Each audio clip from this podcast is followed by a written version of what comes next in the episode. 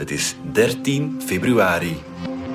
Dit is vandaag de dagelijkse podcast van de Standaard. Ik ben Yves de Lepelaire. Kan de 81-jarige Joe Biden straks zichzelf opvolgen als Amerikaans president? Nu een rapport hem omschrijft als een oude man met een slecht geheugen, tierende twijfels welig, ook bij de Democraten. Hadden zij dit dan echt niet zien aankomen? En hadden ze niet beter iemand anders als presidentskandidaat gekozen? Of komt die switch er toch nog?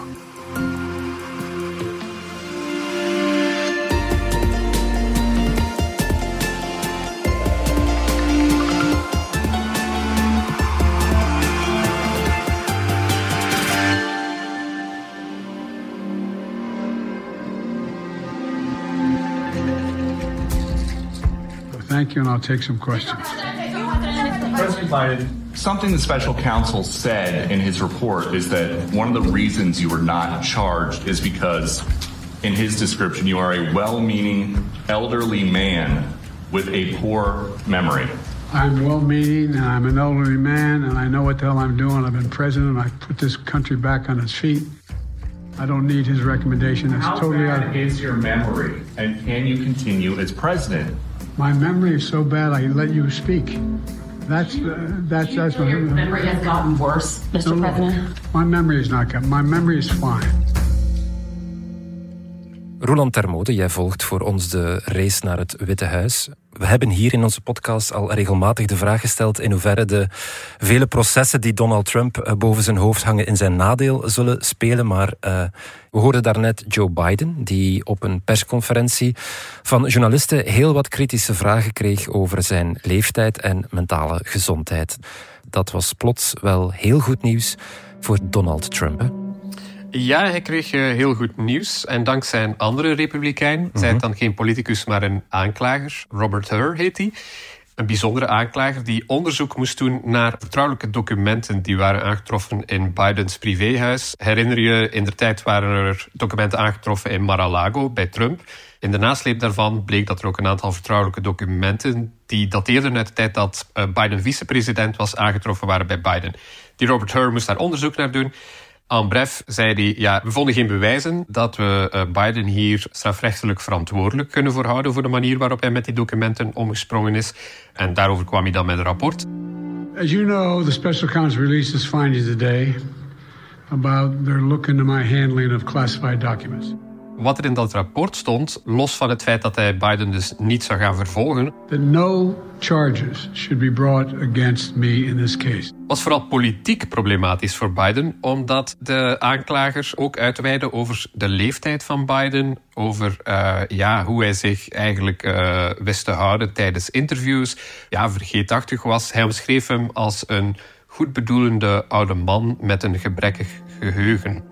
Hij ging uh, heel diep in op die mentale gesteldheid van de presidenten, zal ik zeggen. Is dat eigenlijk gewoonlijk dat hij daar zo diep op ingaat in, in zo'n rapport? Uh, wel, best wel wat juridische experts zeggen dat dat best ongewoon is. Uh -huh. Dat hij het daarbij had kunnen laten. Wat er vaak gebeurt is ook dat aanklagers dan zo een memo opstellen die niet gepubliceerd wordt. En dat er daarin uitgeweid wordt onder meer over de redenen waarom je iemand niet gaat vervolgen. Maar ja, dit was geen uh, geheime memo, want uh, er was algemeen bekend dat de minister van Justitie dit openbaar zou maken. Dus hij wist wel dat het openbaar zou worden. Daarom zeggen democraten nu, ja, dat is politiek. Hij is een republikein die in de tijd in zijn job benoemd is door Trump. Dus uh, voilà, hij doet aan politiek. Of hij is kwaad omdat hij niets gevonden heeft om Biden strafrechtelijk te vervolgen.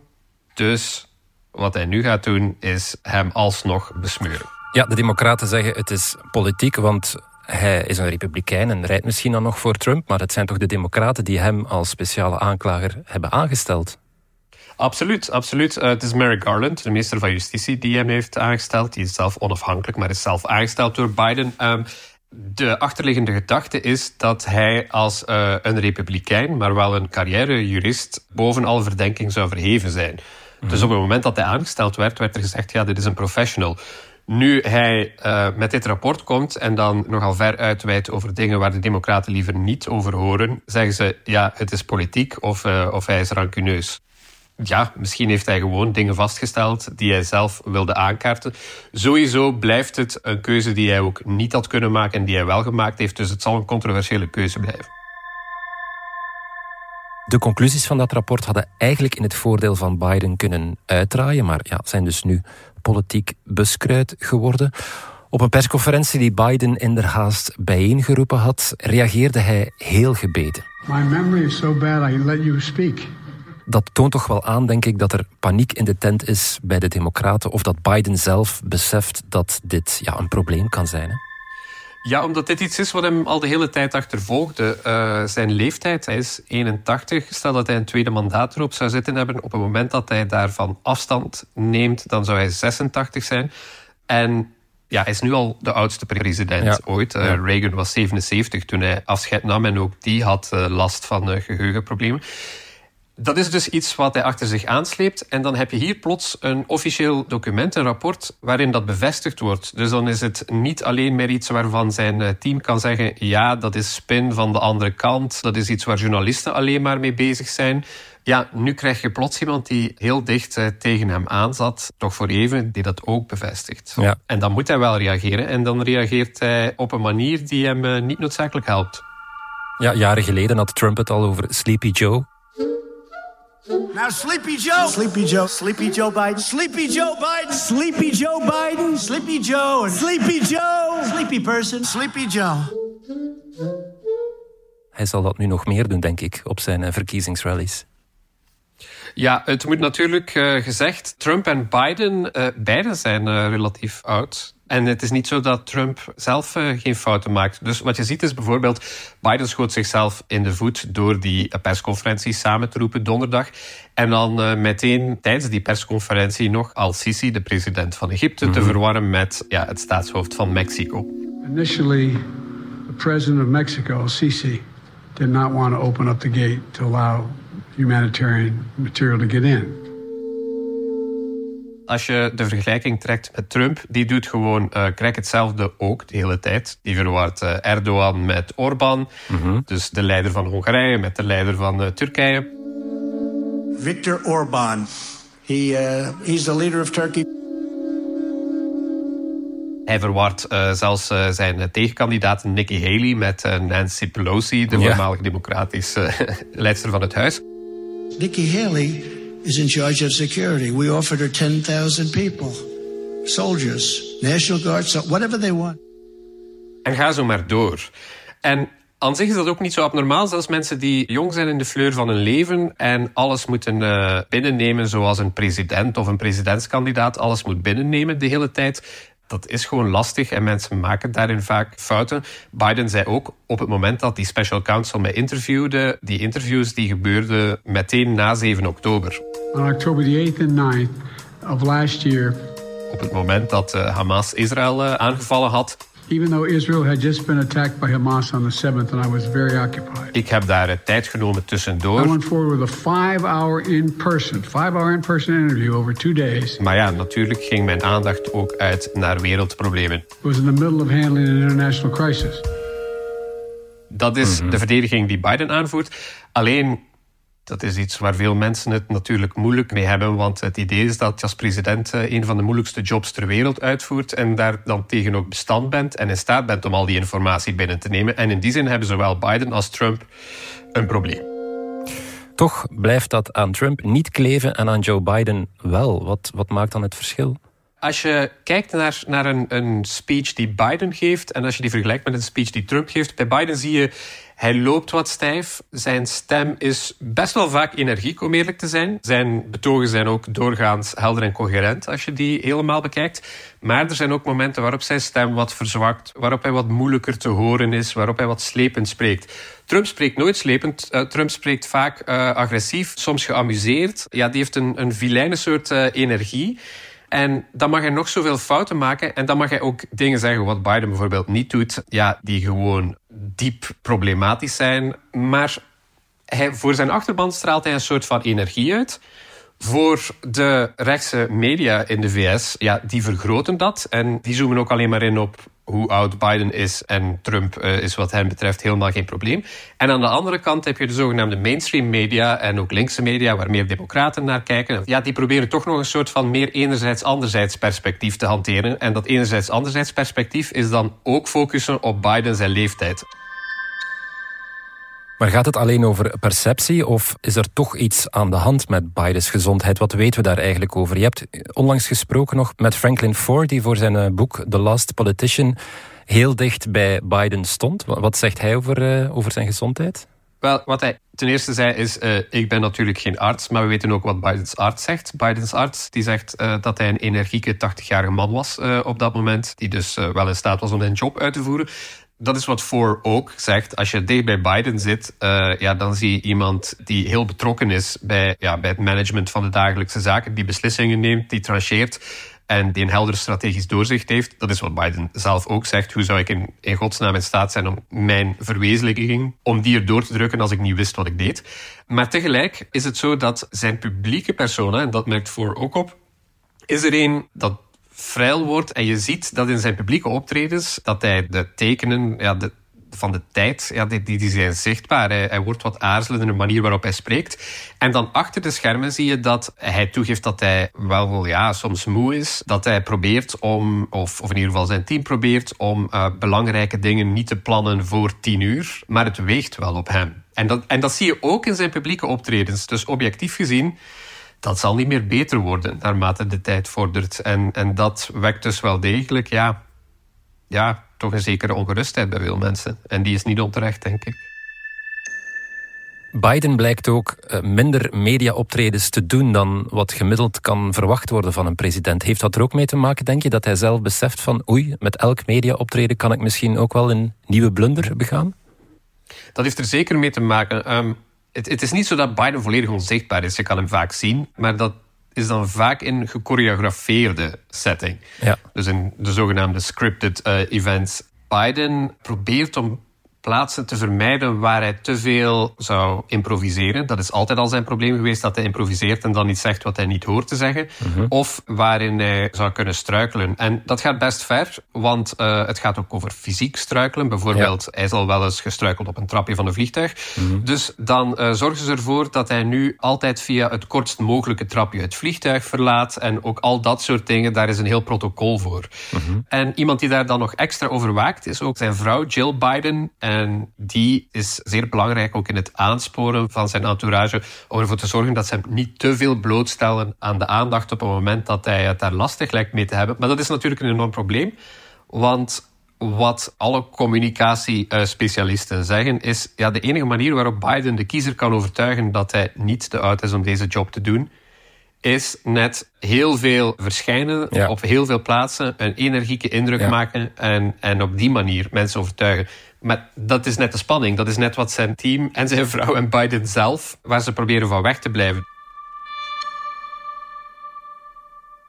Vorige week was er de Super Bowl. Blijkbaar is het traditie dat een president ook dan een interview geeft vooraf. Maar ook dat heeft Biden blijkbaar niet gedaan. Ja, kijk, dat, dat is daar exact een voorbeeld van natuurlijk. En dat zegt ook hoe verregaand het is. Wat ze dan wel doen is, en waar de campagne nu op inzet, is kleine evenementen. Ze gaan dan bij iemand thuis en dan gaan ze daar aan tafel gaan zitten. En dan eet Biden takeaway food van een hamburgerrestaurant. En dan gooien ze dat op TikTok. Maar dat is natuurlijk geen ja, dat is niet zo het, soort van directe interactie met bijvoorbeeld een journalist die ruimte laat voor onverwachte momenten. Dus ja, daaruit blijkt eens te meer dat ze de controle willen behouden en bang zijn om hem bloot te stellen aan onverwachte momenten. Ja, krijgt hij daardoor nog zijn boodschap verkocht, namelijk dat hij een goede president is geweest?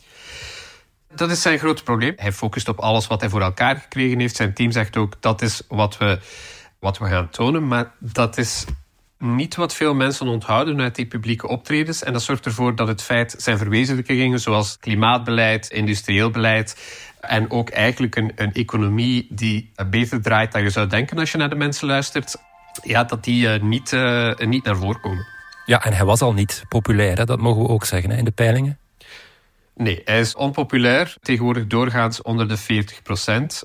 En uh, wat je ook ziet, uh, en wat een groot probleem is, is dat op het moment dat Amerikanen zich wat positiever gaan voelen over de economie. Want ze hebben zich lang uh, negatief gevoeld over de economie, niet omdat de economie niet groeide, maar wel omdat de inflatie hoog was. En nu gaan ze zich eens positiever voelen over de economie, maar dat vertaalt zich niet meteen in betere cijfers als ze gevraagd worden naar hoe bestuurt eh, Joe Biden de economie. Ja, want ik las een Amerikaanse verkiezingswatcher die zei dat dit onderwerp, namelijk de mentale gezondheid van de president, wel eens het onderwerp van de campagne zou kunnen zijn. Krijgt hij dat beeld dan nog gekeerd? Het wordt heel moeilijk en, en dat zie je nu ook in deze hele dynamiek. Er zijn manieren om het te keren, namelijk uh, het tegendeel bewijzen. Maar goed, uh, ja, zoals we net zeiden, dat is heel lastig, want dan moet hij zich ook kwetsbaar opstellen. Of de campagne moet over iets heel anders gaan, maar dan nog krijg je een moment waarop er iets gebeurt dat zijn leeftijd weer in focus brengt. Ja. En dat is lastig. En als de campagne over iets anders gaat, ja, als het over de economie gaat, dan, dan is het ook niet zo makkelijk boodschap om te verkopen. Ook al draait de economie zeer goed op dit moment uh, in de VS. Straks vragen we ons nog af of de Democraten toch niet beter iemand anders hadden gekozen, maar eerst gaan we er even uit voor reclame.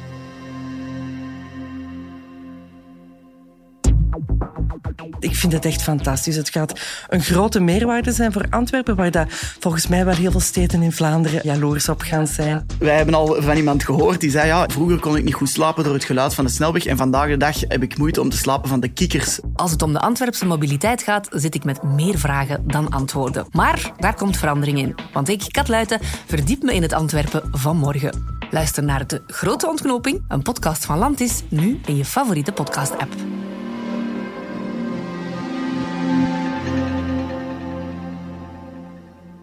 Roland, terug bij jou. Wat zeggen de peilingen als het in november tussen Trump en Biden zou gaan? Wie heeft dan de meeste kans om te winnen?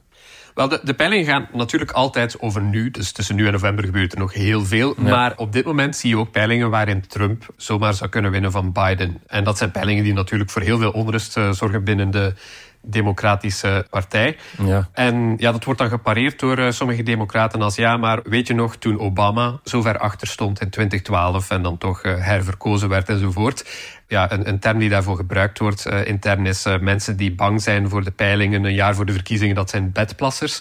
Maar bijvoorbeeld ook Four, waarmee ik sprak, en anderen zeggen ja, het is tijd om, uh, om in het bed te plassen voor de democraten, want Biden is Obama niet. Ja, en ja. er is een heel andere dynamiek. Dus de angst bij de Democraten op basis van die peiling is zeker hoog. Maar dan vraag je je toch af waarom trekken ze nog met Biden naar de verkiezingen? Biden die zit dus niet stevig genoeg in het zadel om je comfortabel te voelen dat hij die verkiezingen gaat winnen. Mm-hmm. Maar hij zit wel te stevig in het zadel voor een uitdager om gewoon te zeggen, ja, om, om hem uit het zadel te slaan. Om te zeggen van Joe Biden, jij bent niet onze man. En zelf ja, zag hij eigenlijk ook zijn reden om deel te nemen aan die verkiezingen. Hij zegt dat hij Donald Trump wil verslaan om de Amerikaanse democratie te, te redden, net zoals in 2020. Eh, en ja, op een moment in 2022 dat iedereen dacht van... Hmm, de Democraten gaan de midterms verliezen, dan ging het verrassend goed. Ja. Biden was toen al onpopulair, maar dan ging het verrassend goed voor de Democraten.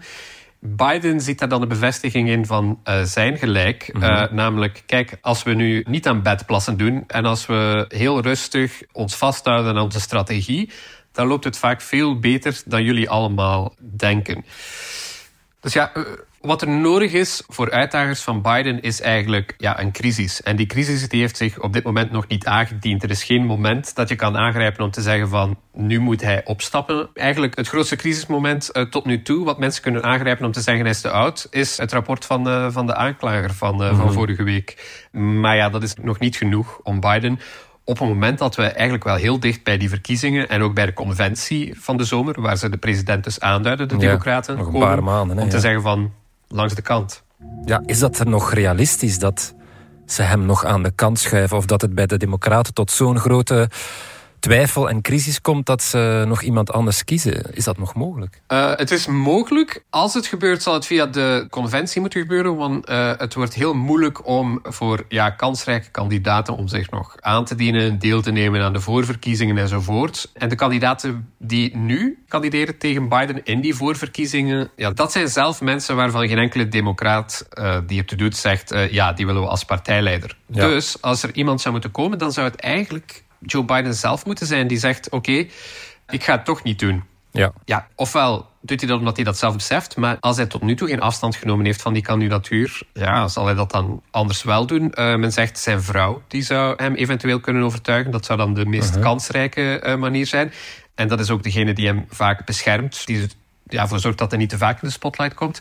Maar dat is ook niet gebeurd tot nu toe. Stel dat hij het toch doet, dan is er eigenlijk één precedent bij de Democraten. En dat zijn de verkiezingen van 1968. Toen heeft eh, Lyndon Johnson, die toen president was, in volle Vietnamoorlog na de voorverkiezingen in New Hampshire gezegd: Ik gooi de handdoek in de ring.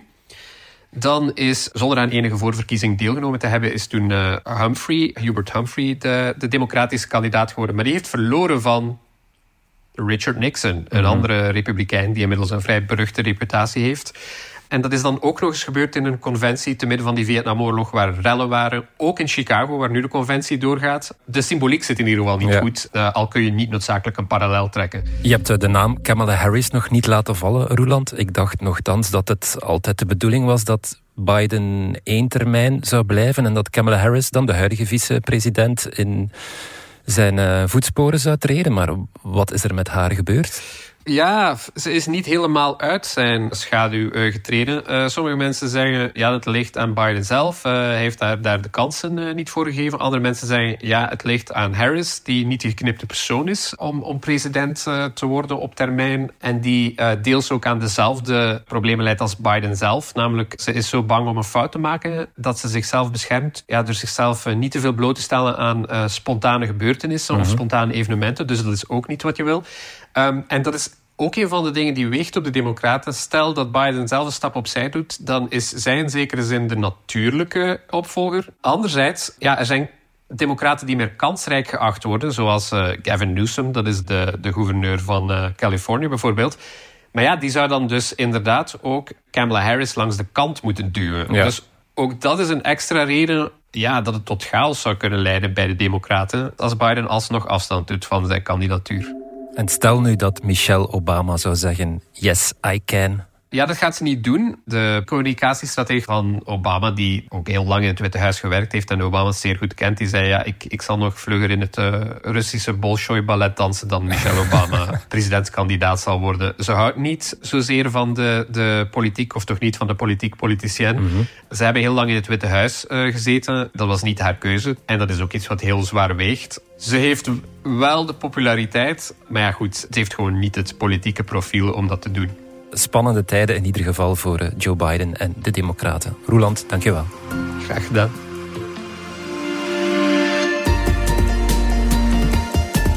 Dit was vandaag de dagelijkse podcast van De Standaard. Bedankt voor het luisteren. Volg ons op Spotify, Apple Podcast of eender welk ander podcastplatform. In onze gratis FDS podcast kan je niet alleen ons werk beluisteren, maar ook de beste podcasttips terugvinden. Alle credits van de podcast die je net hoorde vind je op standaard.be-podcast. Reageren kan via podcast.standaard.be.